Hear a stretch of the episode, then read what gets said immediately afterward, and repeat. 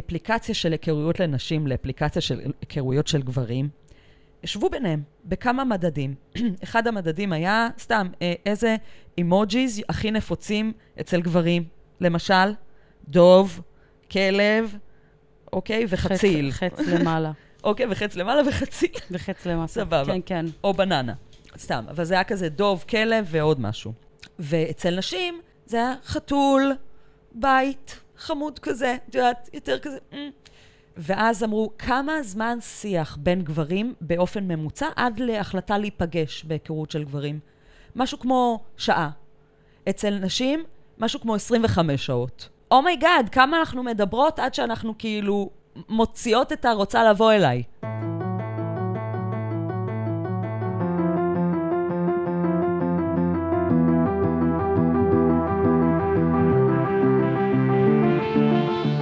יש לנו את זה. היי. אנחנו מתחילות. היי. רגע, אני אני אסתדר. היי. מיכל, שר. היי. טוב, אז ברוכה הבאה לזן אדיר, הפודקאסט הלהט"בי הראשון והיחיד שבו אפשר לשכוח לשעה שלמה, שיש. סטרייטים בעולם. שיש סטרייטים בעולם, יפה מאוד. חוץ מהפרק של אה, יש עם מי לאכול, שמלא דיברנו על סטרייטים. נכון, נכון, עם, אה, עם בואו לאכול איתי. כן, זה היה כן. שבי- שבירת ה... בסדר, כי יש שם מת- מתמודדים עם אה, זה צריך סטרייטים. לדבר על זה. אגב, לא ציינת נראה לי שהעורכת של יש עם... של בואו לאכול. לאכול איתי, זו עילית לוי, הבת זוג של חן אריאלי. כבר לא המון ידעתי את שנים. זה. כן, לסבית, מוצרת, וואלה. מדהימה, כן. רגע, שכחתי לשים את את הטלפון על אה, מצב טיסה. טוב, אז תשמעי, אני קודם כל מאוד נרגשת שאת באת לפה אה, להשיק את התספורת החדשה. לפני איזה שבועיים אה, מיכל מתקשרת אליי, היא אומרת לי, אה, שלמת, את מבינה ב-AI, יש איזה אפליקציה או איזה כלי כזה שאפשר לבדוק איך מיכל תראה עם שיער קצר? שיר "טוב, ש- מתקשרת אלייך. מה אמרתי? אמרת אמרתי מיכל. שיר מתקשרת אליי, ואני כזה, אני לא זוכרת לא, לא, ש- אני זוכרת שיר, שביקשתי נכון. משיר. שיר התקשרה אליי, ובסוף, אה, כאילו, אפשר לעשות את זה, פשוט זה היה קצת מורכב, אז אה, אמרתי. אז פשוט הלכתי ועשיתי כן. את זה. כן, זה יפה ממש. תודה. אז שיער צומח. כאילו, לא, זה לא העניין. כאילו, אני גם מסתגלת עוד, וגם, האמת, זה לא כזה משנה לי. כאילו, אם בלי... הדבר הראשון שהייתי עושה בבוקר זה לעשות קוקו, והדבר האחרון זה לשחרר אותו, אז זה כבר לא משנה כל כך, כאילו. השיער זה כבר לא מה שהיה בשבילי פעם, שהיה האפרו, כאילו, ה- שמזוהה איתי, ו... כן, גם נטלי הטלטלים. דיברה על זה, שכאילו השיער, את יודעת, כבר ידעו מהצל שאני מגיעה כן. מהאפרו. איבד, באיזשהו שלב, נדבר על זה בטח בהמשך, כאילו זה השתנה וזה, אז זה כבר לא באמת משנה. עם, בלי, הכל, all good. ממש הכל ככה. ממשיך, כאילו אני מיכל, זה לא באמת משנה. האמת יפה, זו גישה טובה לחיים ככלל. טוב, אבל לקח לי הרבה כדי להגיע לזה. ברור, בסדר, את עברת כן, דברים. כי זה- כן. טוב, אנחנו מיד ניגע בהכל. רגע, אני רוצה להציג אותך לקהל. אז מיכל היא די-ג'יית ומפיקה מוזיקלית, ועוד מעט אנחנו גם נדבר על העשייה, ויש איזה משהו ספציפי שאני רוצה לדבר עליו, שאת אה, כתבת שיר לאניה בוקשטיין, ועופרה הפיקה אותו, אז את עבדת גם עם. עופרה. נכון, אני שמעתי אותה היום בבוקר, וואו, יש לי מה לומר. אוקיי. את פעילה חברתית גאה, נכון. ואת אה, פלנט, פלנט פלואנסרית. פלנטפלואנסה. יש, כן. לך, אה, יש לך עסק לצמחים. נכון, את לייצוץ. מטפלת בצמחים, בעציצים, ב... כן, לייצוץ אה, מקומות, משרדים והרצאות. בתים. על, כאילו, קוראים לזה gardening for dummies. אה, כאילו. את עושה הרצאות כן, גם? מתחילה וואלה, עכשיו להייטקס. די. כן. וזה סופר מגניב. כי ברור, זה מגניב זה לוקח רצח. את כל הפלטפורמה של House of Plants מהאינסטגרם לריאליטי. כאילו. מגניב ממש. מאוד, יפה, אהבתי מאוד. יש לי הרבה דברים לדבר איתך עליהם. עשית המון דברים. וואו. אבל בואי נתחיל באמת מלספר עלייך קצת. כן. אני רוצה לשמוע על ההתחלה של מיכל בעולם הלסבי ובחיי הלילה, אולי אפילו קצת על היציאה מהארון, כי את באמת, יש לך אה, תובנות, כי את היית פה לפנינו. את היית פה לפני שאנחנו הגענו נתחיל לעיר. בזה שאני 41 וחצי, ילידת 82. אז גדלתי בשנות ה-80, והנעורים שלי היו בניינטיז. והצבא שלי היה בתחילת האלפיים, ואז שנות ה-20 שלי, כאילו. אני תל אביבית born and raised. גדלתי בצפון תל אביב, אבל ממש מגיל ילדות הייתי שונה ב... נוף, כאילו. כשכולם היו אותו הדבר, אני הייתי קווירית. כאילו, וואלה. לא קווירית לסבית, אלא קווירית פשוט מחוץ לקופסה, כאילו, לא ב...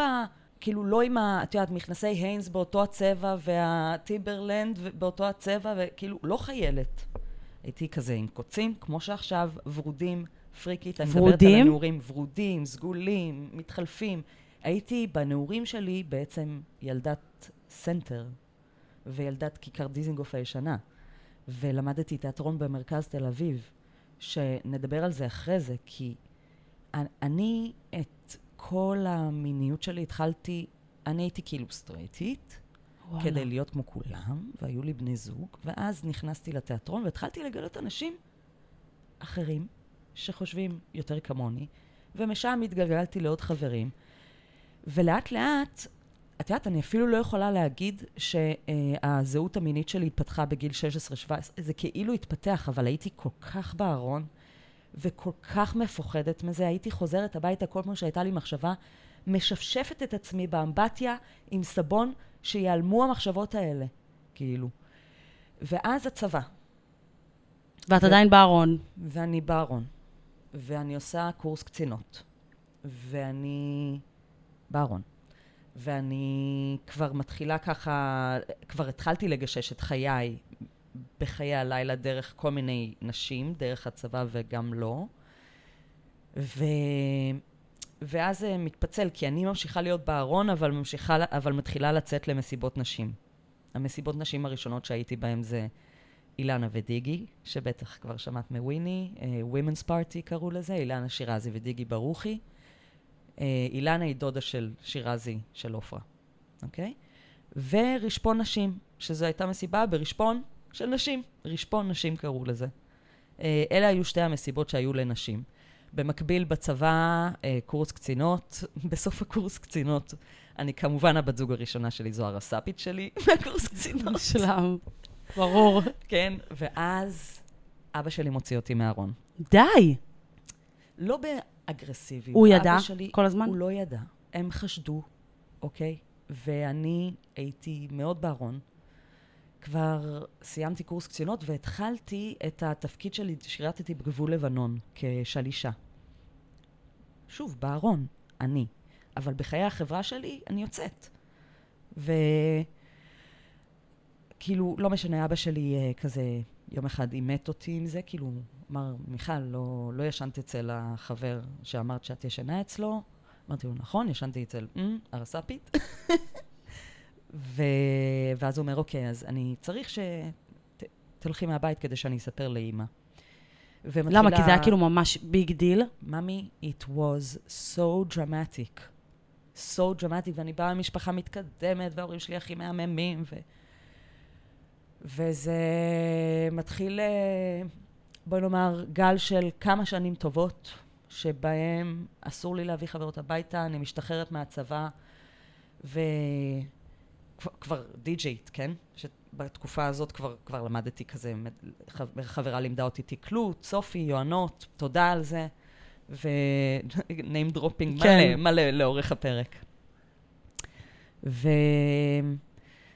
ואני משתחררת מהצבא, טסה לעבוד בארצות הברית, אה, לחסוך רגע כסף, אפילו לא טיול אחרי צבא, חוזרת הביתה ויוצאת מהבית, ועוברת למרכז תל אביב עם הבת זוג הבאה שלי, ו... ואני והמשפחה במשבר מאוד מאוד גדול. אסור לי לספר לאחי, אסור לי לספר לסבא וסבתא ולסבתא, וכאילו מפחדים תמיד מהתגובות ומאיך זה ישפיע על אחי הקטן, כי אחי הקטן ממני בעשר וחצי שנים. בינתיים יש לי את אחותי הגדולה, שהיא אשת הסוד שלי, החברה הכי טובה שלי, גם היום, והיא תומכת בי, ובינתיים מתפתח לי כבר מעגל חברתי שהוא כבר מהקהילה. ולאט לאט משתחררים לי הסטרייטים מהעולם. כן, זה כאילו, קורה. מה זה קורה? היום אני, אין לי חברים סטרייטים. זו כן. האמת, אין לי חברים וחברות סטרייטים. אין לי חברים מהתיכון, אין לי חברות מהצבא, אין לי חברים מהיסודי, אין לי חברות מהגן, אין לי חברות מהצופים, אין לי חברים מהעולם הקודם שהיה לי, כי הוא היה לי מאוד טראומטי. בגלל שהייתי ילדה שונה, סבלתי מהתעללות מילולית בבית ספר, עשו עליי גרפיטי על כל המגרש, יום אחד הגעתי למגרש כדורגל, וכתוב, מיכל סרה קוקסינל. די. אני מסתכלת ואני כאילו כל כך בארון, שאני... ואני לא מבינה גם מה זה המילים, מה זה עדיין לסבית עד הסוף, מה זה קוקסינל עד הסוף, ואני רק... מה המחשבה המעוותת שעוברת לי באותו הרגע? אם אני קוקסינל, זה אומר שאני אישה שנמשכת לגברים, אז אני לא לסבית. כן.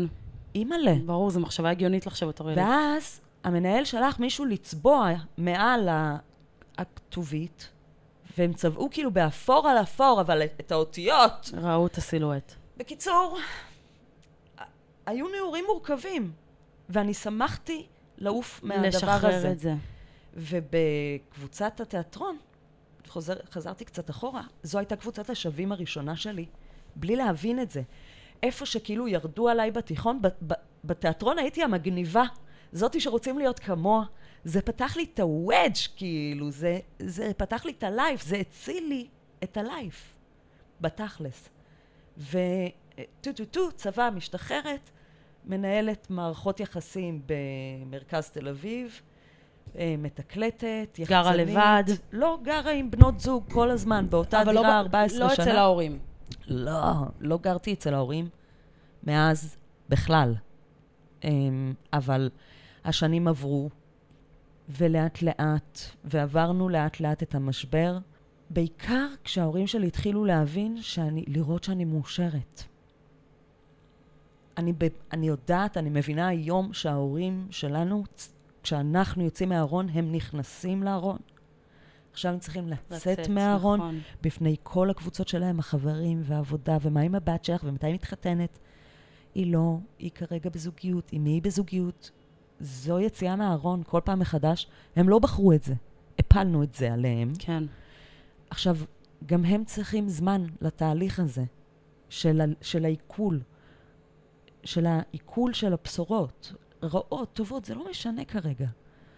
אז אני יודעת שהם תמיד אוהבים אותי, אני יודעת שלקח להם זמן, והיום, כאילו, שיר, הבת זוג שלי היום, היא כמו בת בשבילם, היא כאילו הבת הנשית של אימא שלי. זה כאילו, לזאתי שיכולה לשאול אותה, את רוצה את השמלה הזאת? ו...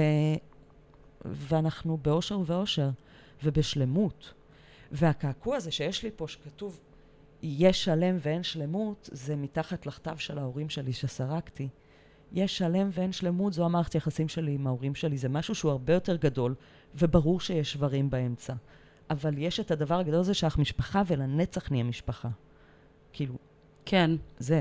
אני, אני מזהה כמה דברים בסיפור שלך שהם קריטיים לאנשים שנמצאים בתהליך הזה של היציאה ועוד לא, לא שם. וזה באמת נרטיב שאנחנו כבר uh, מהפרק הקודם עם נטלי כן. דיברנו עליו. זה המקום הזה של קודם כל למצוא את קבוצת השווים שלך, כי זה, או שלך, כי זה הרבה יותר קל. כן. לעשות את הצעדים הנכונים ולהרגיש שייך ואמיתי ושלם אם אתה נמצא סביב אנשים שהם כמוך. נכון. והדבר השני הוא באמת לא לאבד אמונה בתהליך הזה של המורכבות עם המשפחה, ו, ובסוף הם מקבלים. זאת אומרת, זה לא... אלא אם כן אתה יש עניינים דתיים, שזה מאוד מאוד מאוד מורכב, ויכול להיות שזה לא ייפתר לעולם. אבל נכון. כל עוד אתם לא מגיעים ממשפחה כזאת, הסיכוי שזה להיפתר הוא גם, גבוה. גם. יכול להיות שגם גם, שם, נכון. גם שם, גם שם. יש, יש פשוט uh, הרבה בורות. אה, סביב מה זה להט"בים, או להט"ביביזם, כאילו. והם אנשים שניזונים כבר הרבה שנים ממידע, מפולס מידע, כאילו, מפייק ניוז. כן. אז זה הרבה עניין של הסברה, וכרגע אנחנו גם בנקודה זמן קריטית שבה אנחנו רוצים להסביר, אבל לא ייתנו לנו. לא נותנים לנו תקציבים ולא נותנים לנו להיכנס לתוכניות לימודים וכולי וכולי. אבל כן, קבוצת שווים לאנשים צעירים יכול להיות איגי, ולאנשים בוגרים יותר יכול להיות קבוצת התנדבות באיזשהו ארגון קהילתי. ואז אתה סביב אנשים, ככה תכלס, אני יכולה להגיד לך, שנפתח לי מה זה להט"בים. כשהתחלתי להתנדב בחושן, עשיתי סמינר של סופש. הסופש הזה פתח לי. פתח לי ממש. כאילו, הייתי בקבוצת השווים שלי, אבל לא היה את השיח הזה. העמוק של מה זה קווירים, מה זה טרנסים, מה זה, לא יודעת, עוד לא היו את כל יתר ההגדרות, אבל כאילו... תגידי, למה כל כך פחדת לצאת מהארון בעצם עם המשפחה שלך? הם כביכול ליברלים, תל אביבים. מה, מה, מה קרה שם? אני, אני חושבת שכל... התקופה, זה המשפחה, זה השנים, התרבות. אמ, לא היה, לא היה, לא היה ייצוג להט"בי בחוץ? זה ברור שהיה הרבה פחות ייצוג להט"בי. מה שקורה היום הוא נס בעיניי, כי אני זוכה לראות את ההתקדמות של העולם בהתייחס ללהט"ביזם. אני לא מאמינה, את לא יודעת, נגיד, כשהייתי חברת ועד מנהל באגודה, את לא יודעת איך היינו צריכות להילחם, חברות הוועד, כדי שיכתבו גם בלשון נקבה, או שיכתבו בלשון כאילו מעורבת. מעורבת. זה הם לא הבינו. ואנחנו אומרות להם, אם אתן לא פונות אלינו, איך, איך ניפנה? כאילו, נשים כדי להגיע לארגונים צריכות פנייה ספציפית. נשים כדי להגיע למסיבות צריכות פנייה ספציפית, ולהרגיש שרואות אותם, ושהמרחב זה- המרחב הזה יהיה בטוח עבורן. כן. מבינה? על מה דיברנו? על זה ש... למה, למה כל כך פחדת לצאת החוצה? אני מהארון. חושבת שכל... זה לא היה מקובל. לא היו לי דוגמאות. כל החיים ירדו עליי על זה שהיו לי קוצים וניגנתי על גיטרה. כל הזמן אמרו לי, תראי לנו אה, זמרת אחת שהיא לא לסבית. ואני כזה, אה, רונית שחר לסבית, קורין אלעל לסבית, יהודית רביץ לסבית, כולן לסביות, מה אני לסבית? אני, אני לא לסבית, אני כן לסבית. היה לי בן זוג, שכבתי עם גברים, כאילו, פחדתי, זה לא היה מקובל. הייתי יוצאת דופן. יש אה, מישהו או מישהי שהם הם מבולבלים, זאת אומרת, הם גם הולכים על זה, גם על זה, גם הם אוהבים את זה, הם לא בטוחים מה הם, והדבר הזה שמצפים ממך או ממך לתת הגדרה מאוד מדויקת, זה מאוד מפחיד. וואו, כן. אז מה, מה עושים? מה לא, עושים? לא מגדירים. למה צריך להגדיר היום? היום, יותר מתמיד, זה דור שגדל קווירי, גם אם הוא סטרייטי. כאילו, אתה, אתה, אתה snowflake, וככה אתה רוצה להישאר. אז, לא, אז אתה לא חייב להגדיר. explore, זה מהמם. זה לא נגמר בגיל 18, כמו שהיועצת של נטלי אמרה לה. זה לא נגמר בגיל 18. זה גם ממשיך כל החיים אם אתה, אם אתה רוצה. כאילו. ותרגיש את עצמך. אני, אני חושבת שהשתניתי כל כך לאורך השנים. אני מגדירה את עצמי לסבית קווירית, נגיד, אבל וואלה, אני לא אוהבת את המילה לסבית. לא אוהבת, כאילו, היא לא מסתדרת לי. אני אוהבת נשים. סבבה? כאילו, אני, בכלל לא מבינה למה צריך להגדיר כל כך הרבה. גם מלטינג פוט, המסיבה שלי, מלטינג פוט בעברית זה כור היתוך. זה מה שאני רוצה שיהיה במסיבות שלי. כור היתוך של להטבקים, של כולם מרגישים בנוח. וזה נכון שהומואים בולעים את המרחב הציבורי, זה נכון, אבל עובדים על זה, ועושים פניות ספציפיות.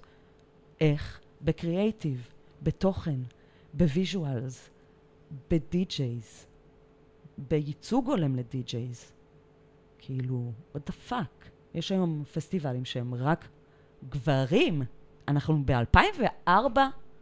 where are we? זה שיח שאני מנהלת כבר, אני מתקלטת 23 שנה. אז רגע, בואי נחזור באמת ל... אוקיי, אנחנו דיברנו עכשיו באמת על היציאה מהארון ועל התהליך המורכב עם המשפחה, ובאמת המסר הוא אופטימי. בטח. זאת אומרת, זה נפתר, ולהיות מי שאתה זה פתיר. מנצח הכל, זה פתיר. צריך סבלנות, צריך לתת להם את הזמן, ובינתיים להתרכז בעצמי. במה עושה לי טוב, באיפה אני יוצאת, במה אני מגלה, בגילוי עצמי. זה, בלהתעסק בעצמי, הם, אין מה לעשות. כאילו, צריך לתת לדבר לשקוע רגע גם. לא ללחוץ, ללחוץ, לא לשחרר, לשחרר. כן. אני ממש ממש מסכימה, ממש, כאילו זה מדויק. ובאמת, אני רוצה עכשיו לעבור ל... יש טייטל פה, די.ג'יי ומפיקה מוזיקלית, אבל לא סתם. רגע. אה, זהו, עכשיו שמים את הכובע. יאללה. יפה. מה... איווה. מהנשים הראשונות שבאמת אה, תקלטו פה ב- בהיי-לבל. אה, שבנו קריירה. כן, כן. של תקלוט. כן. אני רוצה לשמוע על ה... אולי ממש בשתי מילים על ההתחלה, כי זה לא מה שבתכלס מעניין. מעניין אותי לשמוע על איך זה היה, מה השתנה. אני מדברת על זה שאת אה, די.ג'יי אישה, כמובן. לאן צריך לשאוף? מה לא קורה עדיין, למרות שיש פרוגרסיביות. יש, כאילו, סבבה שיש פרוגרסיביות, זה סבבה ש... כן, זה, זה עדיין מקליט. יש פרוגרסיביות, אנחנו, obviously, במקומות מסוימים, הרבה יותר בתודעה, לשלב נשים ולשלב אנשים טרנסים וקווירים בליינאפים, אוקיי? בואי נתחיל בואי מההתחלה. נחזיר מה... בואי, בדיוק, בואי נחזור אחורה. אני אה, התחלתי את, חי... את העולם שלי בחיי הלילה כבליינית. מסיבת נשים הראשונה שהייתי בה הייתה של אילנה ודיגי בגלריה לורנס של ניר צוק ביפו. נכנסתי, אני זוכרת מה היה הסונג. מה היה הסונג? And if I have to give you up, it's אה, only been a year. וראיתי כזה שלוש נשים רוקדות, כאילו בכזה צמוד, ואני כזה, אומייגאד. אומייגאד. בת כמה היית? 19 בערך. יואו. ופשוט אמ, נכנס... בעבור, בחלוף השנים, השלוש נשים האלה הפכו להיות חברות הכי טובות שלי. ואיתן ביליתי, ואיתן הכרתי את אילנה ודיגי, והתחלתי ליחצן לאילנה ודיגי, ואז סופי, אחת מהחברות, עשתה לי שיעור תקלוט בבית, בגבעתיים. מגניב, נדלקתי, אמא שלי מוזיקאית, אני באה ממוזיקה, מהמם לי.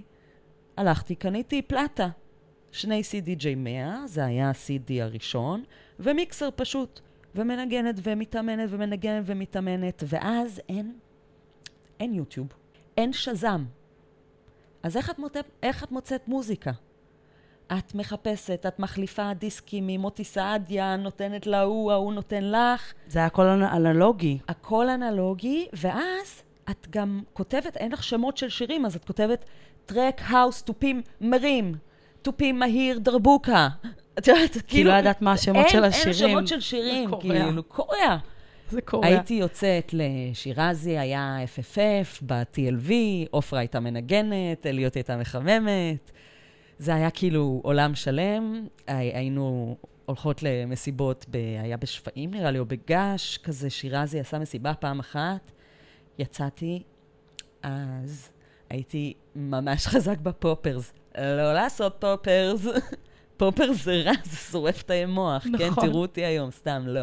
אבל הייתי, היה לי פופרס בכיס, וכאילו לא היו מכניסים אותנו, כי אנחנו נשים, והיה את בני, הסלקטור האגדי שהיום הוא הדיווחי תנועה בגלגלצ, אוקיי? אז בני אבודי נראה לי קוראים לו, הוא היה שם, והוא לא נותן לי להיכנס. זה היה מנס אונלי, לא? זה זה זה מה לא- שוויני סיפרה לי. לפני זה זה היה מנזונלי, ואז כאילו טפטופים של נשים שיכולות להיכנס כי המסיבות קצת גדלו. אז חברות שלי נכנסו ואני בחוץ, וכאילו, אני מתייבשת איזה שעה, ואז הוא אומר, את לבד? בואי. טו טו טו, השומר עושה עליי חיפוש, מוצא את הפופרס, מה זה? אה, אה, פותח את הפופרס, מפזר את הכל. עכשיו, מה קורה כשאת מפזרת פופרס באוויר? זה... כל התור, כאילו, כן, כן. מסטול מהפופרס. נכנסתי, עופרה, מהמם, כיף, fun. וגדלתי לתוך המוזיקה הזאת של ההאוס, הניו יורקי תל אביבי, שהפך להיות כבר תל אביבי, הוא לא ניו יורקי, לא ניו יורקי בשום צורה היום. ואילנה ודיגי נתנו לי הזדמנות ראשונה לתקלט, ואז קראתי לעצמי מיקל, ואז זה הפך להיות מיכל סר, ואז זה נשאר מיכל סר, וגדלתי, גדלתי, גדלתי, גדלתי. כשבדרך אני עושה שיעורי תקלוט, מאז ועד היום אגב. אה, עושה שיעורי תקלוט, מלמדת את האקסיט ההיא לתקלט, מלמדת את ההוא לתקלט. מלמדת את שיר לתקלט. גם מלמדת את שיר לתקלט. שיר, שיר תאכל אותי, דרך אגב. שיר, אחת התלמידות הכי טובות שיש לי. ממש. הבת זוג שלך, מי שיר שלא מבין. הנסיכה של חיי. ואז גדלת. גדלתי, גדלתי, ו... ואז התחלתי להפיק ליינים של מסיבות נשים. הפקתי את באג 2000. נכון, היה גם את אה, אה, את הטטריס, כן. באג 2000 היה מוזיקה משנות, משנת 2000 עד 2010, כזה בריטני. איזה אה, כיף, מושלם. אה, קריסטינה. מושלם. אה, just- just- ואז זה הפך להיות אביצ'י כאלה. כן, ואז כן. הפסקתי, כי לא התחברתי. והיה לי את הטטריס, שהיה ליין של מסיבות שנות ה-90, עם אורטל צור, והיה גם fun ברמות, ואז עשיתי מלף, זה היה איזה שתי מסיבות של מוזיקה ערבית, ואז נ- נעלמתי. זהו, נכון, היה- היה לך בעצם אה, תקופה שאת יותר לא תקלטת. כן, לא, אז- לא יכולתי. אז בואי תספרי שנייה מה קרה שם. אז- זה היה ממש בשיא, זה לא? היה ממש בשיא, והייתה לי קריירה בינלאומית, שאני כן אשמח לדבר על קריירה בינלאומית, אולי לתת אפילו טיפ ל- לאנשים שכאילו מתעניינים על איך זה עובד. אה, ממש תקלטתי בכל העולם, אה, וה- והייתי well known, והייתי רזידנטית בבריטני ביץ', תשע שנים וגם יצא לך טובות. לחמם את עופרה. בטח, בשנה שוויני הייתה בלידה, ואמרה שהיא יצאה מבית חולים, זו השנה שאני חיממתי כן. את עופרה, זו השנה עם U2. ב... וואו. כן, זו השנה של הפתיחה של U2. די. כן, עכשיו- זה שנה אגדית של שנה של אג- עופרה. אגדית. כאילו, זה היה ממש, זה היה אה, רייב ממש מטורף. מדהים, ואני לא הייתי בו, ואני אספר לך עוד מעט למה. בעצם, אני עברתי איזשהו משבר פיזי של, של הגב שלי, שהתנקם בי, ואני חולה באיזושהי מחלה אוטואימיונית שקוראים לה ankylosing spondylitis, שזה כאילו, העמוד, זה דלקת בעמוד השדרה, ועמוד השדרה מתחבר לאט-לאט. מאוד מפחיד, וואו. ואני חולה בדבר הזה, ושום דבר לא יכול לעצור את זה, אפשר להדוף את זה, אבל מה שהתחבר והתחבר, לא יכול להשתחרר יותר. בנוסף לזה, בלט לי דיסק, וכל מיני דברים שכאילו מהקריירה שלי, שאמרתי, אני אסחוב הכל לבד, אני אעשה הכל לבד, וחתונות הכל לבד, ו... לא הבאת עוזרים. עד שלב מסוים לא הבאתי עוזרים. וכאב לי. אבל לא התייחסתי לזה עד שהגוף אמר, וגם הנפש, די. ויום אחד הייתה לי התמוטטות כזה, של ממש כזה, לא יכולתי לקום מהרצפה, ונאלצתי לי ממש ב... מיום ליום לבטל את כל החתונות שאני כבר סגורה. תחשבי מה זה לזוג, לקבל, כאילו, הדי-ג'יי בבית חולים, הוא לא יכול לתקלט. או היא לא יכולה לתקלט. זה טראומה ברור. חבל הזמן. ונאלצתי לעשות את זה, ונאלצתי לבטל תקלוטים בחו"ל באיזה שנה זה היה, ההתמוטטות? לפני שש שנים. ונאלצתי לבטל כל התקלוטים ולהתחיל להתמודד עם ריק. פתאום הכל מבוטל. וזאת הייתה הקריירה שלך. זו הייתה ההכנסה היחידה. שלי. זה, זה החיים שלי. זה לא רק הקריירה שלי, זה גם הפשן שלי, זה כל המהות שלי. ואני הייתי בבית, ולא יכולתי לעשות כלום. והייתי, והייתי עסוקה בלהחלים. וזה היה מאוד קשה. כי אני זוכרת שהפעם הראשונה שהסתכלתי ביומן ופתאום לא היה כלום, נראה לי אחד ההתקפי חרדה החמורים שהיו לי. וואו. ממש לא ידעתי מה לעשות עם זה. אמ, יכלת לצאת מהבית? לא, בשלב מסוים, כמה שבועות טובים. לא, ואז לאט-לאט. אבל לתקלט, כאילו לחזור לא, ל... לא, לא, כלום. לפריים, לא יכלת. כלום, כלום, כלום, ואז, פת... ואז לאט-לאט, כאילו. התחלתי להגביל את הסטים שלי לשעתיים, עד היום, מגבילה לשעתיים, בגלל הגב. אני לא לוקחת יותר מדי תקלוטים כבר, אני כבר לא מתקלטת מה שאני לא רוצה לתקלט. זה אומר שאני לא עושה חתונות. זה אומר שקשה מאוד להתפרנס מהעולם הזה. כן, ברור, חתונות. חתונות זה הדבר. מחלימה, ובזמן הזה חולה בדיכאון. אז אז את היית בדיכאון, כי בעצם... כן, כאילו כל הדבר, כל השיפט הזה של החיים שלי, הכניס אותי לדיכאון עמוק, וגם זה לקח לי זמן להבין שאני חולה בדיכאון. איך ו- זה בא- איך זה בא לידי ביטוי? מעניין אותי לשמוע. לא, לא יכולתי לצאת מהבית, לא רציתי לדבר, לא יכולתי לאכול.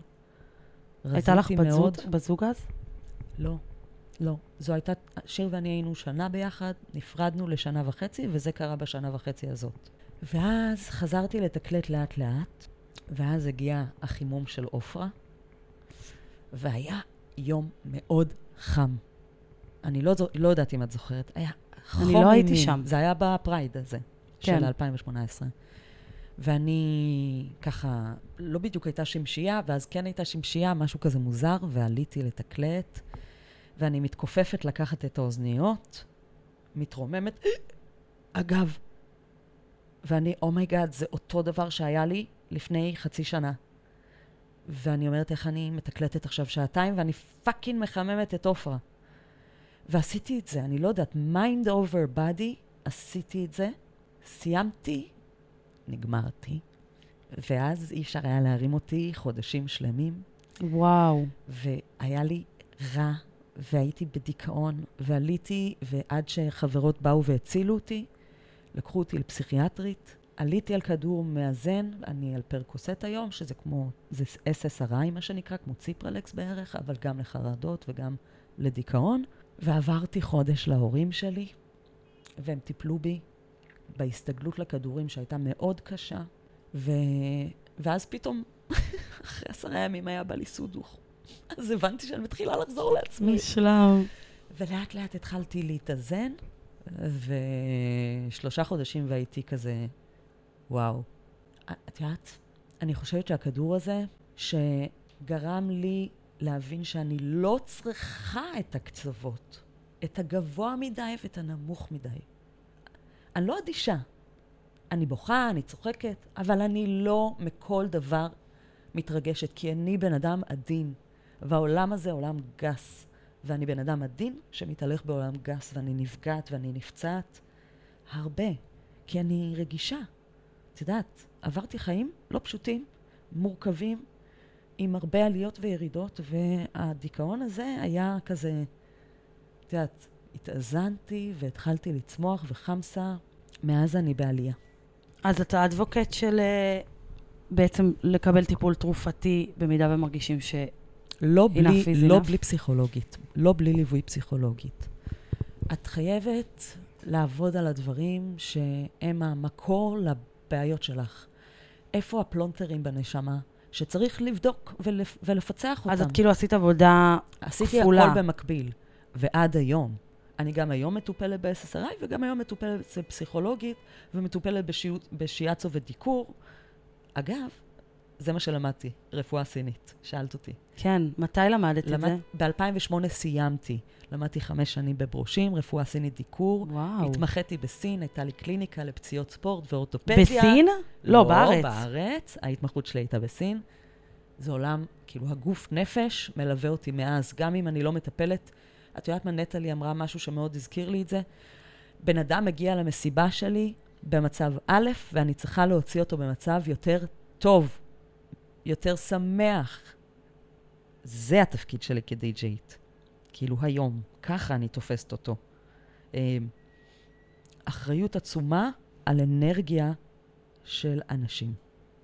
ובעצם האחריות על האנרגיה הזו יכולה לבוא לידי ביטוי רק כשאת דואגת לאנרגיה של עצמך. כי לא יהיה לך מה דבר, יפה לתת אמרת. אם את לא דואגת לעצמך קודם כל. תראי, תקלטתי בכל מצב, בכל מצב, מרוקנת לגמרי ומלאה לגמרי, ובסוף זו אומנות במה. ובאומנות במה גם צריך לדעת לעשות ש"ק. צריך לדעת לעשות פלש.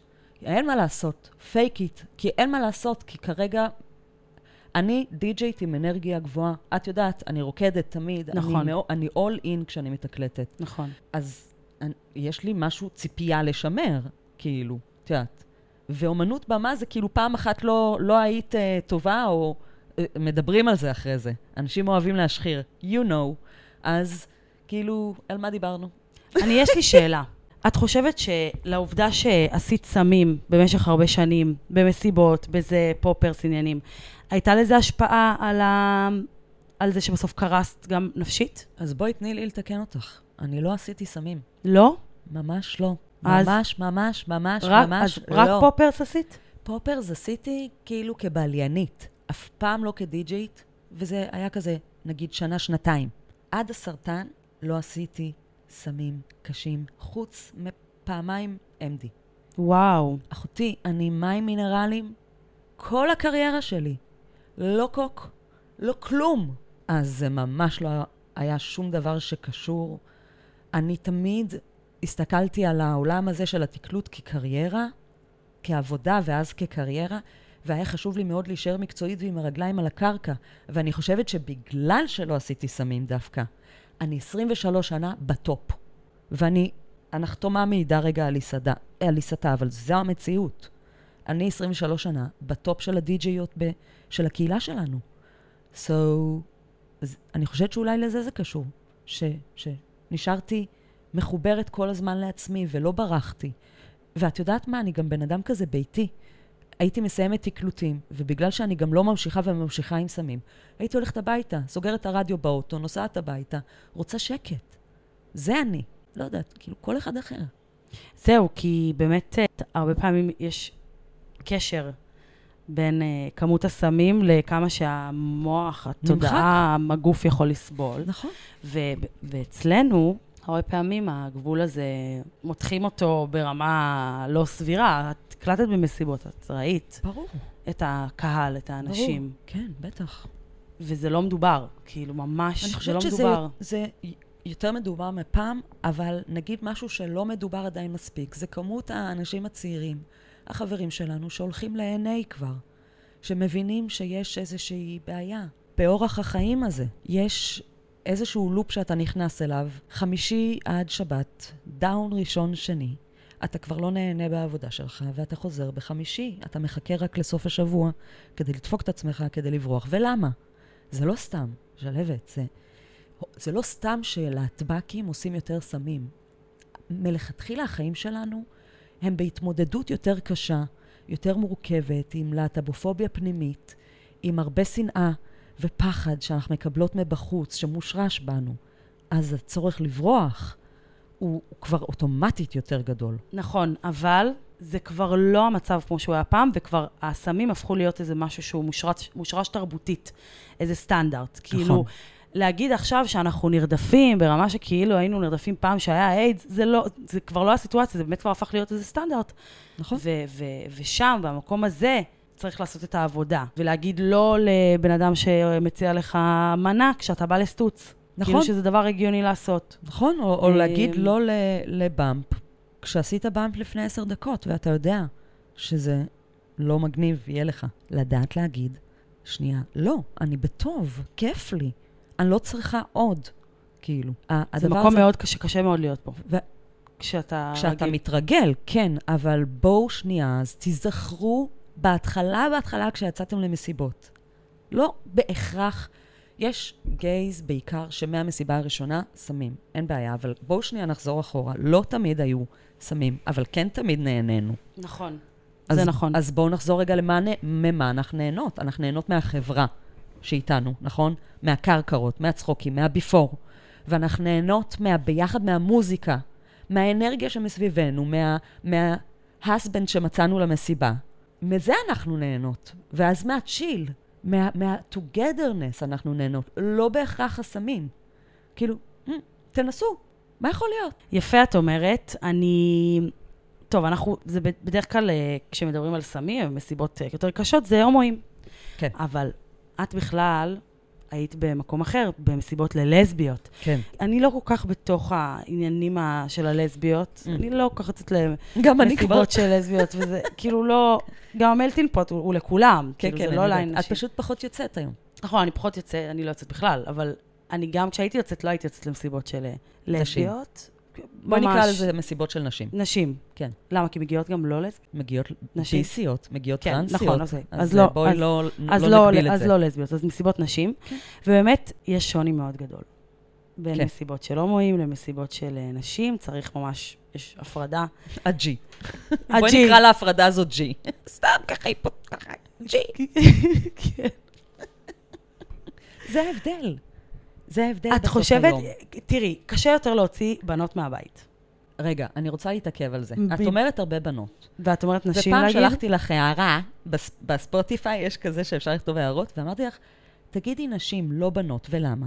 לא ראיתי את זה. כי זה קטע, אה, אני אשלח לך על זה אחרי זה לינק, על למה, למה היום, אם את אישה פמיניסטית, או מאמינה בתודעה הפמיניסטית, חשוב שתגידי נשים ולא בנות. וואלה. בנות, משטיח אותנו לילדות. בעצם, לבנות עושה אותנו קבוצה אחידה. הרי את לא אומרת אה, מסיבת בנים, את אומרת הומואים. ובצבא את לא אומרת להם בנים, את, את אומרת להם גברים. ואת מבינה? מעניין. הם מקבלים את כל התארים שמגיעים, ואנחנו עדיין בננות. לא, אנחנו לא בנות ולא בננות, אנחנו נשים, ויש נערות ויש ילדות. אלה השלבים. כמו שיש ילדים, בנים, ואז יש נערים, ואז יש גברים. אז יש נשים. הבנת את ההגבלה? יפה. אני אשתדל לזכור את זה. אני לא מבטיחה שכל פעם אני אגיד נשים. לאט לאט, זה לא מ-0 ל-100. מעניין. זה תודה. אז באמת במסיבות של נשים, זאת אומרת, יותר קשה להוציא נשים מהבית ולסביות בכלל. כאילו זה...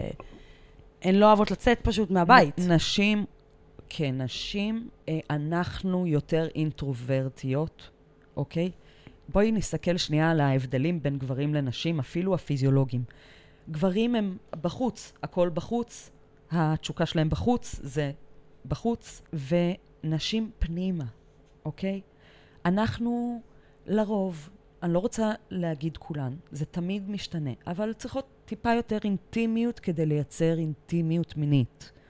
יותר שיח, לא כאילו מחכה לך בדלת, וזה באמת, זה מה שזה, כאילו. אני לא מכירה עדיין את האישה ששכבה עם ארבעה גברים ביום, ואני מכירה מלא גברים ששכבו עם ארבע, אה, עם ארבע נשים ביום, ומכירה מלא גברים ששכב- ששכבו עם ארבעה גברים מגריינדר. זה פשוט שונה. אז נשים יותר אינטרוברטיות, גברים יותר אאוטרוברט, אוקיי? אה, נשים יותר מק- מקננות, אוקיי? בתרבות ובהוויה, וגברים יותר כזה outsourcing. פעם השוו בין אפליקציה של היכרויות לנשים לאפליקציה של היכרויות של גברים. השוו ביניהם בכמה מדדים. אחד המדדים היה, סתם, אה, איזה emojis הכי נפוצים אצל גברים. למשל, דוב, כלב, אוקיי? וחציל. חץ, חץ למעלה. אוקיי, וחץ למעלה וחציל. וחץ למטה. סבבה. כן, כן. או בננה. סתם, אבל זה היה כזה דוב, כלב ועוד משהו. ואצל נשים זה היה חתול, בית, חמוד כזה, את יודעת, יותר כזה. "אמ".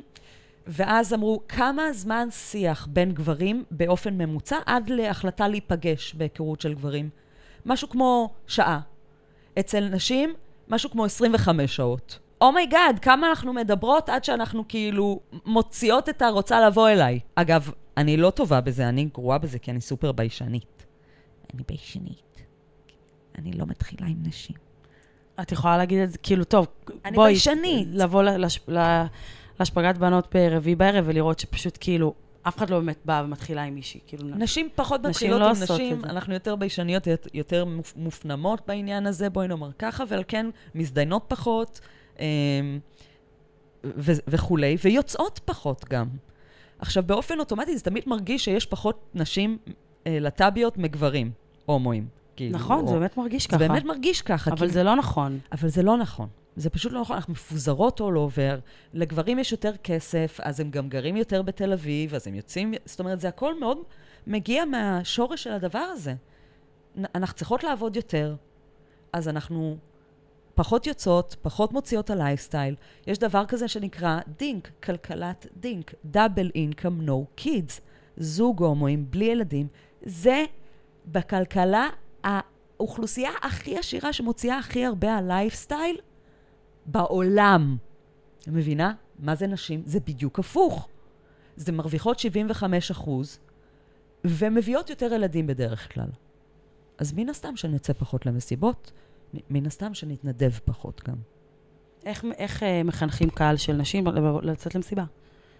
לבוא למסיבה. אמרתי את זה בהתחלה, אני אחזור על זה, זה פנייה שהיא ספציפית. זה ליצור מרחב... בשיווק. בשיווק, ב, אפילו ב branding, כאילו. וזה ליצור מרחב שהוא מיוצג על ידיכן, ושהוא מדבר אלייך, אל תוכן שאת תרצי לבוא, ושהחברות שלך יגידו, יאללה, מה, יאללה, בואי כבר. זה כולה שבת בערב. כזה. דברים שידברו גם אליכן וגם אל גברים.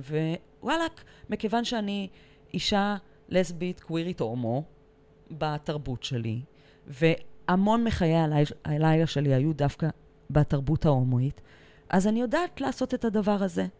וכשהרגשתי שאני לא מספיק יודעת, הבאתי את עמית חולי המדהים כפרטנר שלי במלטינג פוט. מבינה? זה, זה לבנות את ה... עכשיו אני בונה קהילה שהיא תרגיש בנוח לרקוד אחד עם השני. בלי חולצות, אגב. גם הנשים וגם הגברים. יש לי חלום. נו. שיום אחד אני אעלה לתקלט, וכולם יהיו בגוזיות. יפה. זה קורה ב... זה קורה ב... אני רוצה. באומן. זה קורה באומן לפעמים. חלום שלי. חם. נכון. לא, טוב. אבל אני רוצה שהגברים יהיו בגוזיות. אה, אה. יפה, כמו הכדורגלנים. אני רוצה לדבר רגע על, ה... על העניין אה, שאני בטוחה שכולם יש... ישמחו לשמוע עליו. אני רוצה לדבר על עופרה, ועל זה שאת כתבת שיר, איווה. אני ואניה בוקשטיין הופענו ביחד. שנתיים עשינו מופע שלה עם רמיקסים, גם שלי, לשירים שלה. אני מאוד אוהבת אותה, אני מכירה את כל השירים אגב. אני מהאלבום שרופה. הראשון, הכל הכל אני מכירה, הכל בעל. ממש. אז כאילו, ממש הופענו, חיממנו את הצ'יין סמוקרס והופענו במצעד הגאווה. חודש שמיני באה להופיע איתי במצעד הגאווה בתל אביב, את קולטת. אני מאוד אה, אוהבת אותה. לא משנה, בקיצור, ואז אה, עשינו הנג, אני ואניה, יצאנו ביחד לעופרה, בחנוכה. יצאנו לעופרה, וכזה אנחנו יושבות ביחד ומתמנגלות. אה, אניה לא יכלה, כל פעם שירדנו למטה לרקוד ברחבה ולא באזור של ה-VP, כאילו התנפלו עליה, זה היה, היא נורא מס... זה נורא קשה להיות סלב, כאילו, באמת, היא... זה קשה, אתה לא יכול ליהנות בלי שכאילו יזהו אותך, לא משנה, בקיצור. ואז ישבנו כזה ואמרתי, אנחנו צריכות המנון כזה, המנון גדול כזה, RuPaul י כזה. היא אמרה, וואו, לגמרי, חייבות, בואי, זה. חזרתי הביתה, כתבתי מילים.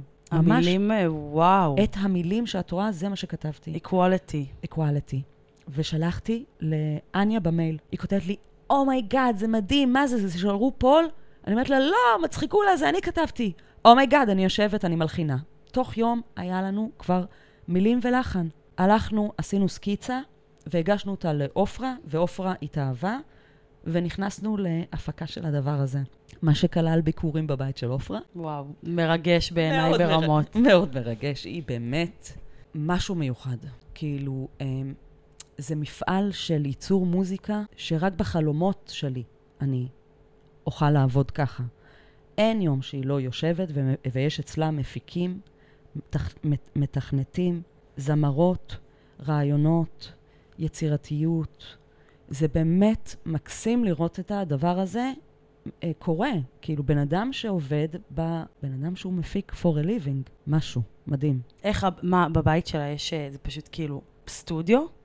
זה בית עם סלון, שבצד אחד יש uh, את העמדה של התכנות של המחשב והקלידים, ובצד שני עופרה יושבת, די רחוק, ועושים פינג פונג. עכשיו, אני לא רוצה לשבור יותר מדי מהפרטיות שלה. אני מאמינה שהיא לא מכניסה כל אחד הביתה, ברור. וגם חשוב לי לכבד את הדבר הזה. כן יכולה להגיד שקרא לי אשת המילים כל הזמן. באמת, היא מאוד פתוחה לשיח. היא- הוא לא מרגיש שהוא יודע הכל. הוא מתלבט כל הזמן בקול רם. כותבים תוך כדי. פתאום אנחנו צריכות פתיח. Now is the time. Now is the time. We've waited for too long. We are the revolution of love.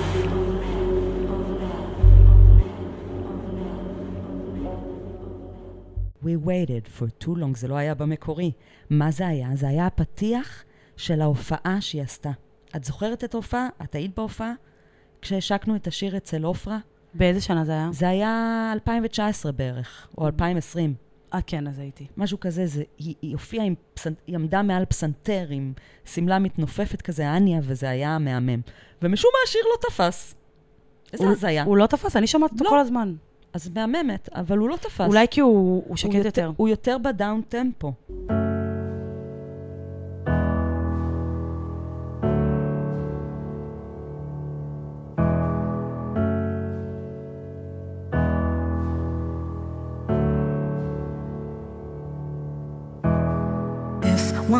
Day you say there is no other way, that the battle is over and done, and you're left the only one. If one day you see that all we want is to be free and live life the way the way it's meant with love and no no judgment equality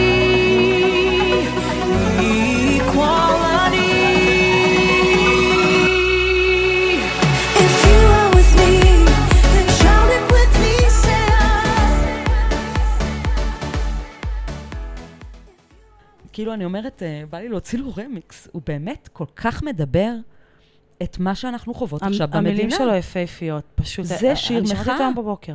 זה שיר מחאה. וואו, כאילו. מרגש אותי ממש, השיר הזה. אז uh, אני מאוד עומדת מאחורי המילים, והחוויה מול, uh, לעבוד מול uh, עופר ניסים הייתה מדהימה, ואניה, אין דברים כמוה. היא אחת הנשים הכי צנועות שיש בתעשייה. היא היא מדהימה, מדהימה.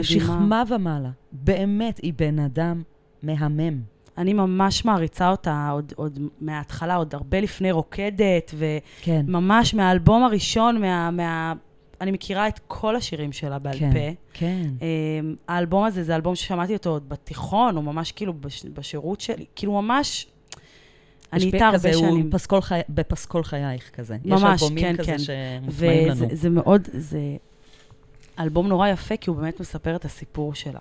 כן, על הסיפור העלייה שלה לארץ. כן. ועל מה שהיא חוותה פה בתור ילדה רוסייה שהגיעה לארץ. זה פשוט גם. אלבום יפהפה.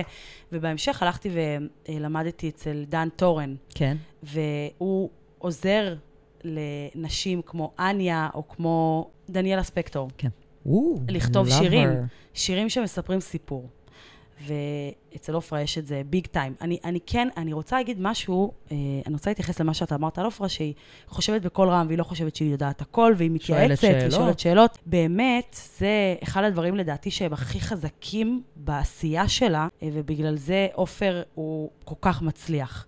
יש משהו בלש, בשיתוף ידע נכון. ושיתוף כוחות, נכון. שהופך כל אה, פרויקט או כל עשייה לחזקה פי מיליון. ו- ועופר. ממש ידוע בזה שהוא לא סוליסט. הוא תמיד עושה שיתופי פעולה עם אנשים, וזה נכון. מאוד מורגש. מאוד נכון. אה, תמיד הידע שלי ושלך יהיה שווה כפול מהידע שלי לבד או שלך לבד.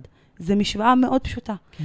והוא הבין את, ה- את הערך של זה. כן. והוא יודע גם מה יש לו ביד, כי הוא בעצמו טוב, בן אדם פנומן. נכון. וברגע שהוא מצרף אליו אנשים שהם חזקים ויש להם יכולת להשלים אותו, פה כבר נוצר משהו שקשה מאוד להתחרות בו. זה, זה מצחיק שאת מדברת על זה, כי אני כל החיים הייתי, מה זה סוליסטית?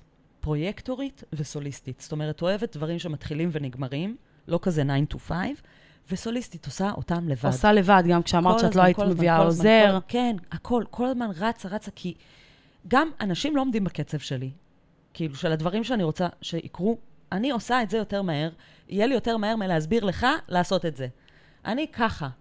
ומשהו השתנה בי בשנים האחרונות, ועכשיו אני עובדת על איזשהו פרויקט שהוא כל כך גדול, שאמרתי, אני לא רוצה גם לעשות את זה לבד, אני רוצה משפחה עצומה שתבנה את המטריה הזאת. מדהים. כאילו. כן. זה, אני מאוד יכולה להתחבר לזה, אני גם עובדת על פרויקט מאוד וזה גדול. מדהים. ו- וככה עושים את זה. כן, אי אפשר לעשות לבד. ממש. וזה הכוח של אה, עופרה לדעתי, וזה שהיא עושה את זה גם בבית שלה, היא מארחת אנשים בבית שלה, היא בוחרת את מי להכניס, היא בוחרת איזו אנרגיה להכניס לבית שלה. נכון מאוד. אני חושבת שלא סתם בן אדם כמו עופר ניסים הוא לא בן אדם שהוא out there. קשה מאוד שהוא להיות יותר מסתורי, אמן. כאילו. כן. יותר- קשה להיות אמן, Mm. יוצר, ברמה כל כך uh, גבוהה, שכל הזמן מחדש, ולתת את האנרגיה שלך לכל בן אדם שדורש אותה. מסכימה? משהו ביצירה דורש התכנסות פנימה. בול. אני חושבת ש... אמרתי לשיר לפני כמה שלו. ימים, שיר אוהבת שאנחנו הולכות לישון ביחד, ואמרתי לה, לפני כמה ימים היה לי כזה ערב שהיא הייתה, יצאה, לא יודעת, ואני ישבתי, צ'יקטטתי במרפסת, ואני שומעת מוזיקה, ואני מתמסטלת, וכיף לי. אני קנאביס רפואי, כן? לא, זה, זה באמת הסם שאני כאילו עושה בקבוע. ואמרתי לה כזה, יום אחרי זה, את יודעת, אני צריכה איזה פעם בשבוע שתתני לי להמשיך כאילו את ההתכנסות הזאת שהלילה מביא, שהיצירתיות פתאום יוצאת ורעיונות פתאום קופצים. לא רוצה לשכב במיטה ולחשוב על דברים ואז בבוקר לא לזכור אותם. לא רוצה, רוצה כן. כזה. אני יצירתית מאוד בלילה. ברור, את יודעת שהרגעים לפני שאנחנו הולכים לישון והרגעים כשאנחנו קמים, זה ממש, זה הרגעים שבו התת-מודע והמודע והכל הוא הרבה יותר חד. למרות שאנחנו כאילו לקראת ממש ההירדמות, כביכול המ- המוח נכבה, אבל לא באמת. לא באמת. זה הוא באמת מתנקה. הרגעים, כן, זה הרגעים שהיצירתיות, החלקים של היצירתיות פועלים, ולכן אני ממליצה לכולם, אם אתם אנשים שהם יוצרים, שימו לכם אה, דף ועט פשוט ליד המיטה, לגמרי. כי עולים לפעמים דברים, אני, אני עושה את זה, זה קורה לי. לגמרי. אז היה את... אה, אני אגיד לך אה, רק משהו אחד ככה על עופר. רק עובדה אחת עסיסית. את רוצה? כן, בוודאי. אפשר מקסימום לערוך את זה החוצה. אוקיי. שני דברים אני אגיד לך. יש לה אמבטיה של נסיכות כזה לבנה. וואו, Stand alone. מושלם. מתאים לה. ו... ובזמנה הפנוי היא רואה ערוץ הקבלה. אני שמעתי על זה. היא מאוד מאמינה. מאוד. יפה. זה מקסים בעיניי. ערוץ הקבלה יפה. תחשבי, כאילו, זה... זו ההשראה גם. כן, זו השראה. זה נותן לה שקט נכון. ואמונה. נכון, המוזיקה של אה, עופר היא באמת, אה, היא. בהיי-לבל, יש בה משהו שהוא יותר דומה רוחני, לתפילה. רוחני, רוחני, כן. כן, לגמרי. איזה כיף. כן. אני ממש שמחה שיצא לי לחיות בדור שבו עופר ניסים מופיע ויש קונצרטים. איזה כיף לנו. זה מטריף. Um, אני חייבת להגיד שאני החרמתי את עופר שנתיים בגלל אייל גולן? בגלל אייל גולן. גם יש לי חברה שחטפה התקף חרדה, שאיכשהו עלה, כאילו לא האמנו פשוט מה אנחנו רואות. ולא הכלתי, ולא, ולא רציתי, ולא הסכמתי, גם עם זה שלא קיבלנו התנצלות על החרא הזה. אני לא קניתי כרטיסים לאייל גולן, ולא שאלו אותי, ולא בא לי, זה טריגרי. ואז שנתיים לא הלכתי, גם לא שיר, ואז כזה אמרתי, די, כאילו, די. זה לא הכל, זה חלק. והיא לא ניגנה את אייל גולן בפרייד האחרון, ואני לא חושבת שזה... אני שזה- חושבת שזה לא סתם. שזה לא סתם. מעניין. כן. נכון, אני זוכרת את השיח סביב הדבר הזה. בטח, איך אפשר שלא? את אמרת אני מקודם... מצפצפת עליך, אייל גולן. את אמרת מקודם שאת רוצה להגיד משהו על תקלוטים בחו"ל. אה, בוא, נ- בוא נגיד את זה בריפלי, כי באמת יכול להיות שיש פה אנשים שזה רלו- רלוונטי אליהם. כן? כן, יכול להיות שיש פה חברים שהם אה, די-ג'אים, ששומעים אותנו, חברים שלנו. אני אגיד רק משפט אחד על, על להיות אמן, לתקלט בחו"ל, לצאת החוצה. העולם היום כל כך קטן. הכפר הגלובלי שלנו כל כך קטן בגלל רשתות חברתיות. זה אומר שכל מסיבה, כל אמן, כל מפיק, את יכולה כנראה לעקוב אחריו באופן אישי, וכנראה שהוא גם מנהל לעצמו את האינסטגרם. כן. אז אם תצליחי להגיע לאומנים מגניבים, די-ג'יי מגניבים שמייצגים, נגיד, ליינים מגניבים בחו"ל שאת אוהבת, לפני שהם נהיים ביג, לפני שאת נכנסת ל-DM, ל-requested, להיכנס ל-DM, את יכולה אשכרה להגיע למסיבות ולהגיד, you know, I'm coming to town, I'm not coming to town, כן? I'm coming to town, I'll be in town on these dates, maybe you have a slot for me, כזה. והדברים האלה, את שולחת, את סבתא שלי אומרת, תשלחי את לחמך. את לא יודעת איפה זה יפגוש אותך. דברים קורים בזמן המדויק שהם צריכים לקרות, ובספור אמרו, תזמון זה עניין של טיימינג, ואני מאמינה גדולה בדבר הזה. אבל כן אפשר היום, יותר מתמיד, לדחוף את עצמך החוצה. תקשיבי, ישראל קטנה. לא לבנות על ישראל. לא לבנות על ישראל. לשאוף החוצה. החוצה, החוצה. יש שם הרבה יותר... דונג. יש שם הרבה יותר... אה, אמ, אמ, היצע, כאילו. את צודקת, האמת שזה נכון לא רק לגבי די-ג'ייז. לא רק לגבי די.ג'יי. זה ממש נכון.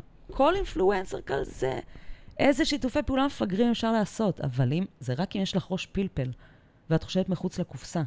זה, כאילו, אני מדברת כבן אדם, לא רק אמן, אלא גם כבן אדם עצמאי, עצמאית, כאילו, מרוויחה עצמאית, עם עסק עצמאי, אם אין לך את הפלפל בתחת, כאילו, להניע את עצמך כל יום מחדש, הדברים לא יזוזו, זה לא יעזור. כאילו, את חייבת שיהיה לכם מנוע פנימי מאוד גדול, אמונה. ברור, מה זאת אומרת? את- זה את מאוד האלף- כזאת. זה א' ב'. את יזמית. כאילו, דרסופי, וה, וזן אדיר, ו, והנרות, וטונג, כל הזמן יש, את עושה דברים, את בעשייה. כן, זה, יש הבדל מאוד uh, רציני בין uh, אנשים שהם טיפוסים יותר, שצריכים את הביטחון הכלכלי הזה של להיות שכיר ולקבל uh, תלוש משכורת מסודר, ויש אנשים שזה לא האופי שהם יזמים. אני יזמית, כן. כן. אני באופי שלי יזמית, אני גם עכשיו גם עובדת אני. על מיזם מאוד מאוד גדול, ו- והוא מכלה את כל זמני, ואני צריכה המון uh, כוח רצון ו- ומוטיבציה פנימית, כי מוטיבציה חיצונית נעלמת מאוד מהר. נכון. אם אין מוטיבציה פנימית, גם מוטיבציה. חיצונית, היא גם, היא גם תלויה באנרגיה של האנשים סביבך. פתאום אנשים מורידים אותך, אז מה? נכון. תשברי? זאת לא, הסיבה, כאילו- אגב, שאני מתכנסת עכשיו בבית ואני לא פוגשת אנשים. כן. אני לא יוצאת, אני לא נפגשת עם חברים, אני לא מדברת עם חברים. וואו. חברים שלי, אם אתם שומעים את הפרקים האלה, אז אני מצטערת, אה, זה לא רק איתך או איתך שאני לא מדברת, אני לא מדברת עם אף אחד. כן. ממש כאילו גורף. אני מאוד שומרת על האנרגיה שלי, אז, כן. אז, אז ברור, זה, זה א', ב'. כן. אני רוצה לראות את התמונות שאת אמרת. בוא, בואי בואי. נפתח את המייל, שאת שלחת לי מייל. בואי נראה. זה... תגידי, זה נכון שפעם אה, לסביות היו הולכות עם אה, כן. עניבות? וקוצים, ואפילו אולי יש פה תמונה. אבל זה לא רק כאילו כולם היו בוטשות וזה. היו, היה הכל, אבל באמת, באמת, נש... זה אני ואניה. נ... נשיות היו פחות, זה היה פחות מקובל להיות לסבית נשית. ואז התחילו קבוצות, אפילו במרכז הגאה של יעל משאלי, של uh, כאילו, like to own your נשיות, your feminine, וזה הלך, היום יש לנו את אחת הקהילות הכי יפות שיש. ברור, בטח. אימא ואבא ל. אבל בואי, היינו, תקשיבי, הייתי מכוערת. אני רוצה ר- לראות. רסח. טוב, זה בגייז. כן, אוקיי. זה... אנחנו נשים את כל התמונות אחרי זה יפה. עכשיו, זה, מה שאת רואה, זה אילנה ודיגי במשאית זבל. למה במשאית זבל? במצעד הגאווה בתל הם אביב. הביאו משאית זבל למצעד? יפה אמרת. אפשר לרקוד עליה. ולמה? לא רצו שירקדו, למה? יש פה, את רואה את כל השלטים של העסקים הגאים, מהמם. הקטנים יותר. שלא יכלו להרשות לעצמם לעשות משאית במצעד הגאווה, כי זה נורא יקר. עכשיו, אה. מה מצחיק? זה באיזה 2007-2008. איזה יופי של סטייל אז היה הם אז. הוציאו כאילו משאית זבל, יעני, כאילו אנחנו מצפצפות עליכם. זה א', גאוני, אבל ב', אנחנו קצת באותו מצב ב-2023. וואלה. כן, עסקים קטנים. לא יכולים בפני עצמם לעמוד בהתחייבויות האלה. עכשיו, סבבה שמוצאים, אה, איך קוראים לזה? חסויות וזה. אבל מלכתחילה, כאילו, ההיתכנות של להוציא עכשיו 30 אלף שקל על משאית, I can't. I can't, I'm- אני ליטל. מבינה? זה קצת עצוב שאנחנו באותו מצב 25 שנה אחרי. לא, ולא רק על משאית. אוקיי, זה מצעד הגאווה באילת. יואו. זו אני, הכיעור פה עם המשקפיים. איפה? זו אני. זאת את? זו אני, חיים. יואו, אני לא מזהה אותך. אני גם. ואז, זה ממש היה מצעד גאווה באילת ודודודו, ואז הייתה מסיבה של שירזי, והוא שם עגל זהב באמצע. וואו, וואו, שנרקוד סביב העגל זהב, את קולטת? את וואו. יודעת איזה ביקורות היו על זה? טוב, זה ב... כן, מן. הסתם. זה היה כזה בתמנע. זאת לא את תמנע. גם? זו אני, בשנים הראשונות שלי עם המזיעה הקבוע על היד, כי אני. תמיד מזיעה, מתקלטת, עם משקפיים, עם הכל. עשית עם לייזר? דיסקים. עשית לייזר? עשיתי לייזר. זו אני, זו כבר אחת ההזמנות של באג 2000, שעשיתי כל פעם take-off על, אמנ... על אמ... אמ... אמנות אחרת, וזה היה על פרידה קאלו. וואו. היום היא כבר מקועקעת לי פה. יואו. והנה, זו אני. וזה נגיד, מהתמונה המפורסמת. כן, זה כולנו ממש הצטלמנו כאילו ב- על גרין סקרין, ואז ערכנו את זה להיות, אה, ממש היו הזמנות שהיינו מדפיסות אותן והולכות ומחלקות ביד בשפגאט. ברור, אחרת איך תביאו את הבנות? את הנשים. את מבינה, יפה. אהבת? כן. הזמנה של הטטריס, תראי, זה מגניב. כמו וואי, זה היטמן. מהמם. כן. מאוד רטרו. אני כלבה, אני מאהבת, אני ילדה, אני אם, אני חוטאת. באנגלית, כן. I'm a כן, כן. כן, כן. אז זה היו הזמנות של הטטריס. מהמם. זו סופי שלימדה אותי לתקלט. אני יודעת. כיעור. האמת שלא כיעור, פשוט מאוד שונה מאיך שאת היום. כן. ואז כזה הסתפרתי, הייתי הולכת עם שיער פזור, אבל עם קו באמצע, עם כאילו שביל באמצע, ואז פתאום הלכתי לספר והוא עשה לי כזה אפרו, ומאז זה היה הסימן ניכר שלי במשך איזה 15 שנה, יואו. טובות. יואו, תקשיבי. מכירה אבל אותך. יש לנו עוד שני נושאים שאני רוצה שנדבר עליהם. כן, אחד, זה הסרטן. נכון. והשני, זה להתנדב. בש... לפני שנה וחצי, שנה, כן. שנה וחצי. הלכת להיבדק. רציתי לעשות הגבהה ביציות אה, לפני גיל, לפני גיל 40, וכחלק מהתהליך הזה גם לאימא שלי היה סרטן השד, אבל לא הורמונלי, כאילו לא כזה שבהכרח עובר. והלכתי ונבדקתי טו-טו-טו, ולא מצאו כלום, ולא מצאו כלום, וממוגרפיה בנוהל, לא מצאו כלום, ואז אולטרסאונד. למה הלכת לעשות כאילו גם את האולטרסאונד? אה, אותי שולחים תמיד בגלל שלאימא שלי היה. Mm. ובאולטרסאונד אני שומעת שהיא אומרת כבר, אני גם מגיעה אליה כבר שאני מצליחה לתפוס את הגידול. ונכנסת ללופ של החיים, של uh, ביופסיות, והבנה שיש לי סרטן השד. אני בת uh, 40, אישה צעירה, ונכנסת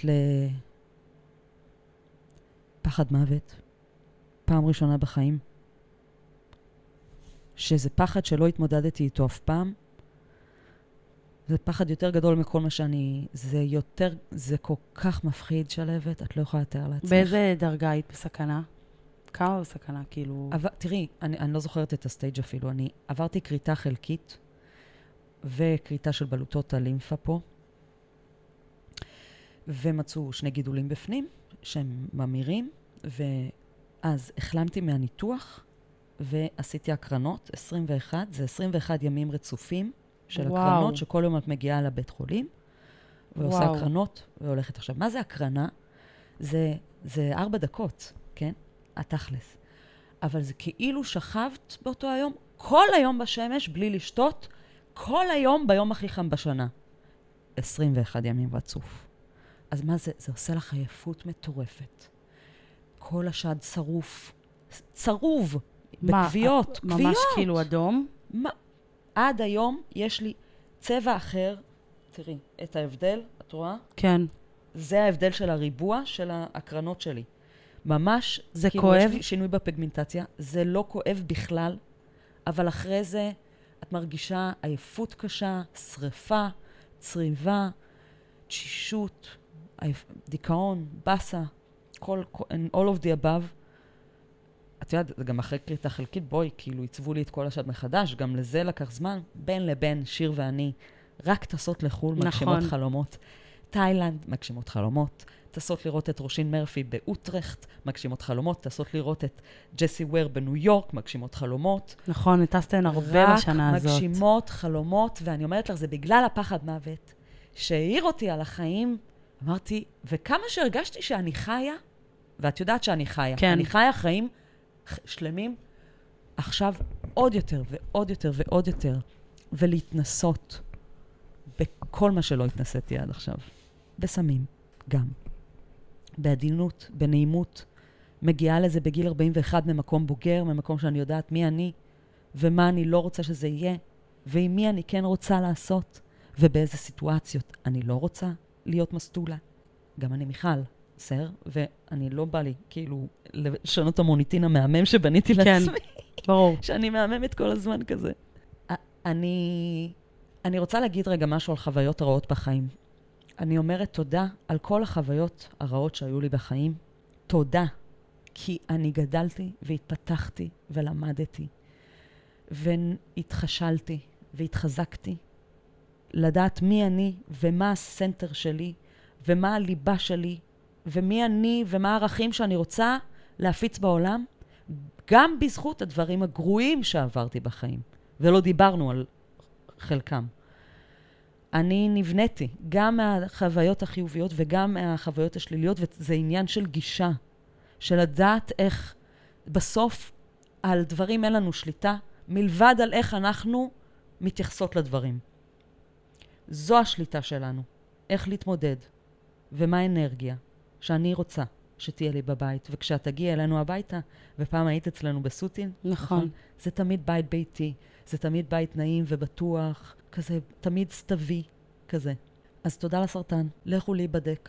ובשורה התחתונה, אל תפחדו מהבדיקה. ממש תפחדו מהסרטן. אל תפחדו מהבדיקה, וגם יותר מזה, נשים לטביות. בסטטיסטיקה חולות הרבה יותר בסרטן צוואר הרחם והנרתיק, ולמה? כי אנחנו הולכות פחות לגינקולוגים, כי אין לנו צורך בגלולות ובכאלה בזה. יוצא שאנחנו מאבחנות את עצמנו מאוחר, תלכו פעם בשנה לכירוג שד ולגינקולוגית. יש אחלה גינקולוגיות בק- בקופות. נכון. זה הרבה יותר פרנדלי, ויש כירורגיות שד. תלכו למה שנוח לכם. מבינה? כן, אני. הלכתי גם, אני הלכתי, בעקבותייך אני הלכתי. אה, תמיד כזה, פעם ב... כן, אני הלכתי. זה, זה מה שרציתי להגיד, אה, סרטן, אם יש לך שאלות, אז תפאדלי. אני, תשמעי, כאילו, אני, אני, אני זוכרת את הסיפור הזה. אני זוכרת את המסע שאת עברת שם. כן, אני יצאתי עם זה החוצה, באינסטגרם. נכון. ממש. אני כל כך מעריך, אני כל כך מעריכה אותך ואת uh, שיר על זה שבאמת, תוך כדי, קרעתן את העולם. איזה מטורפות. היא, עוגן בטח. וסלע. הכילה את הסיטואציה, כמו שהיא מכילה את כל הסיטואציות, היא הכילה גם את זאת. פשוט אישה נדירה יש לי. שיר יפייה, כן, זה היא, ידוע. היא אהבת חיי, באמת. אני, אני, אני אומרת, אנחנו אומרות על עצמנו שאנחנו כמו שתי אמבות שכל הזמן משתנות, אבל ביחד, בהרמוניה, היא מדהימה לי. ואני, אני, I love you כל כך, כאילו, תודה על הכל, על התמיכה. אז אה, גם בזכות זה שיש לך עוגן וסביבה תומכת כל כך, כמו המשפחה שלי ושיר והחברים, שאת עוברת כל מה שאת יכולה, לה- כל מה שאת תעברי בחיים, את תעברי בזכות מעגלי התמיכה שלך, ובזכות האמונה הפנימית, כאילו, שלך מהמם. עצמך. ו- ובאמת זה מחזיר אותי גם לנקודה הראשונה, שאם המעגלי תמיכה הם מדויקים, Mm, מדויקים לך, אז את תעברי הכל איתם. נכון, אבל את יודעת שמעגלי ובטוב. תמיכה, הם משתנים לאורך החיים. נכון, חברים נכנסים ויוצאים, ממצים את התפקיד שלהם בחיים, ופלופ, נכון. פתאום. נכון? היית- לא צריך לפחד מזה. לא צריך לפחד מזה. את גם לא שמחזיקים את גם לא בכוח. צריכה הרבה אנשים בחיים שלך, את צריכה שלושה, ארבעה טובים, שאת יכולה לגלות להם את הנשמה, זהו. נכון כל מאוד. היתר לחברות, לצ'ילים, מגניב מהמם, אבל אי אפשר לסמוך על זה, you know? את לא נכון. צריכה הרבה. אבל מה שיש, יהיה אמיתי, נכון. אמיץ. נראה לי מבינים את זה ככל שגדלים. זה נכון. כי בהתחלה, כשאתה עוד צעיר, אתה עוד כן נאחז ב... בחברים פה מהתיכון, מהזה, מהצבא, ו- ואנשים שבאמת משתנים פנימית ותודעתית, פחות נשארים חברים של אנשים מהתיכון, אלא אם כן, הם באמת, במקרה מאוד פילי, צמחו לאותו מקום. לפעמים. זה כמעט ולא קורה. כן. אבל, אבל אה, לכן זה קורה גם בגילאים מבוגרים יותר, כי שם אנחנו באמת גדלים. ממש אה, ככה. אני חושבת שבגיל 29 התחלתי להתעצב ממש להבין מי אני. ממש, גם ועד אני. אז התנסיתי, והתבלבלתי, כן. והייתי רכרוכית, כזה, לא יודעת. כן, המסע גדילה שלנו כבני אדם הוא מאוד מעניין. אני רוצה בהקשר של הקהילה להגיד משהו על העניין הזה. ו- וזה חשוב לי ממש. הנושא הזה של להתנדב בקהילה, כל כך יכול להוסיף לכולנו. מה שאני נתתי לארגונים, הם נתנו לי פי מיליון. אני עשר שנים התנדבתי בקו הקשב והסיוע של האגודה. הייתי חברת ועד מנהל, התנדבתי שנים בחושן, התנדבתי, אחרי זה הדרכתי בגג הוורוד, שאגב, הוא לא רחוק מפה. את יודעת את זה? כן, כן. בטח. אבל פה לא עבדתי, עבדתי כשזה היה בשכונת התקווה. וגם בתקופה שאנחנו צמחנו בארגוני, בארגוני הקהילה, שליטה מוחלטת של הומואים, שמכתיבים את התכנים של, של, של מה שעוברים אפילו לנוער, והלאה, ולאגודה, ולדובר, וכולם הומואים. ותמיד יש boys club, גם כדי-ג'יית. כן, אני גם חווה בחיי את זה הלילה. שיש boys club. וויני דיברה על זה. וגם, וגם בארגונים, ואני הרגשתי שיש לי צורך לשנות את הדבר הזה מבפנים, הייתה לי הרבה אנרגיה, והחלטתי שאני נכנסת בזה, ועשיתי שש שנים ערב להעלאת מודעות להתנדבות בארגוני הקהילה בקרב נשים, ובאיזשהו שלב זה הפך להיות נשים ואנשים טרנסים. גם, כי גם זה היה חסר פתאום. כל הארגונים באו להציג את עצמם, ונשים שנה אחרי שנה באו קיבלו, שמעו מכל ארגון עשר דקות עליו ומה האופציות. יש אחת שיכולה להתנדב פעם בחודש ויש אחד שיכול פעם בשבוע. מבינה? כל אחד זה מה שמתאים לו, והתאמתי לאנשים, לנשים בעיקר. ואישה שאחת מהנשים, דורית נגיד, שהייתה בערב התנדבות שלי, כעבור כמה שנים הייתה מנכ"לית איגי. זה השינוי, כאילו. מדהים. זה מטורף. עכשיו, אני לא היחידה, היינו כל כך הרבה נשים שבאותו הרגע זה מה שהיה חשוב לנו. מתוך הדבר הזה התרוממו גם מרימה שהיום יש, וכל הקבוצות החד... הכל כך חזקות שיש בארגוני הקהילה, ואישה, והילה פאר, יו"רית האגודה, וחן אריאלי שהייתה איתי בוועד המנהל, והתפטרנו יחד מהוועד מנהל, ואז היא חזרה והשתלטה על הוועד מנהל. ככה עושות שינוי מבפנים. תלכו להתנדב, זה גם ייתן לכן ידע, גם ייתן לכן קבוצת שוות וקבוצת שווים, גם ייתן לכם אופציה להורות משותפת עתידית, כי את תכירי הומואים, וואו, אני צוחקת. או את אשתך תכירי, את מבינה, בארגוני הקהילה. ואת תתני ואת תקבלי, וזה רק מפתח אותך. ואת יכולה לעשות את זה. את יכולה למצוא את הזמן, אתה יכול למצוא את הזמן. ותלכו ותשפיעו, כי יש יותר ממסיבות. עבורנו כקהילה, יש יותר ממסיבות. כן, זה עמוק יותר, ברור. יש לנו... זה המאבק עמוק. לא נגמר. המאבק עמוק והמאבק והשינוי, הוא מגיע מבפנים, בין אם אתם הולכות להתנדב, להתנדב באגודה או ב, ב... אני לא יודעת מה, תפיצו את הבשורה, תלכו, תבררו, תרחחו, תכתבו לי, אני אעזור. אני לא עושה היום את הערב מתנדבות, אבל באהבה, אני מבינה מה קורה. מי כאילו. שרוצה או רוצה להתנדב, מאיפה מתחילים? קודם כל מלהבין מה היכולת שלך, כמה זמן יש לך בשבוע או בחודש להתנדב, כמה זמן את יכולה, מה המחויבות, מה מעניין אותך, חינוך, נוער, advocate, להיות דוב, דוברות כן. או whatever, אה, אה, אה, לא יודעת, אה, אה, משהו בפועל ב, במחאות, לא יודעת, את צריכה להבין מה עושה לך את זה. וכשיהיה לך את ה passion, אני נגיד הלכתי לקו הקשב והסיוע. עשיתי קורס של שלושה חודשים. שלמדתי כל שבוע, רק הקורס שלושה חודשים, ואז התנדבתי עשר שנים בלענות לטלפונים. ה- חלק מהחוויות הכי מעצבות שלי דרך הטלפונים האלה שקיבלתי. מי היו מתקשרים? המון, המון, המון מהדת, מחרדים ודתיים ודתיות, הרבה מהאוכלוסייה הערבית, ו... והרבה מקרים של יציאות מהארון, ואפילו הורים שהיו מתקשרים, הבן שלי יצא מהארון ואני לא יודעת, אין לי את השק כלים לעזור לו, מה אני צריכה להגיד עכשיו? ואיפה אני יכולה ללכת? את יכולה ללכת לארגון של ההורים, לתהילה. אז היית נותנת להם בעצם תמיכה... מידע. מידע או, או סיוע ומידע Mm. בעצם, גם סיוע לבן אדם שעכשיו... טכני, איפה אפשר ללכת לישון אם זרקו אותי מהבית. או אני חושב להתאבד. Mm. יש עם מי לדבר. ככה קוראים לה קו. יש עם מי לדבר. אני אשים את ה... בטח, אני אשים את הקישור ואת. הטלפון גם למי שרוצה להתקשר, ואולי גם למי שרוצה להתנדב. לגמרי אפשר לכתוב, אפשר בצ'אט, אפשר הכל, כאילו.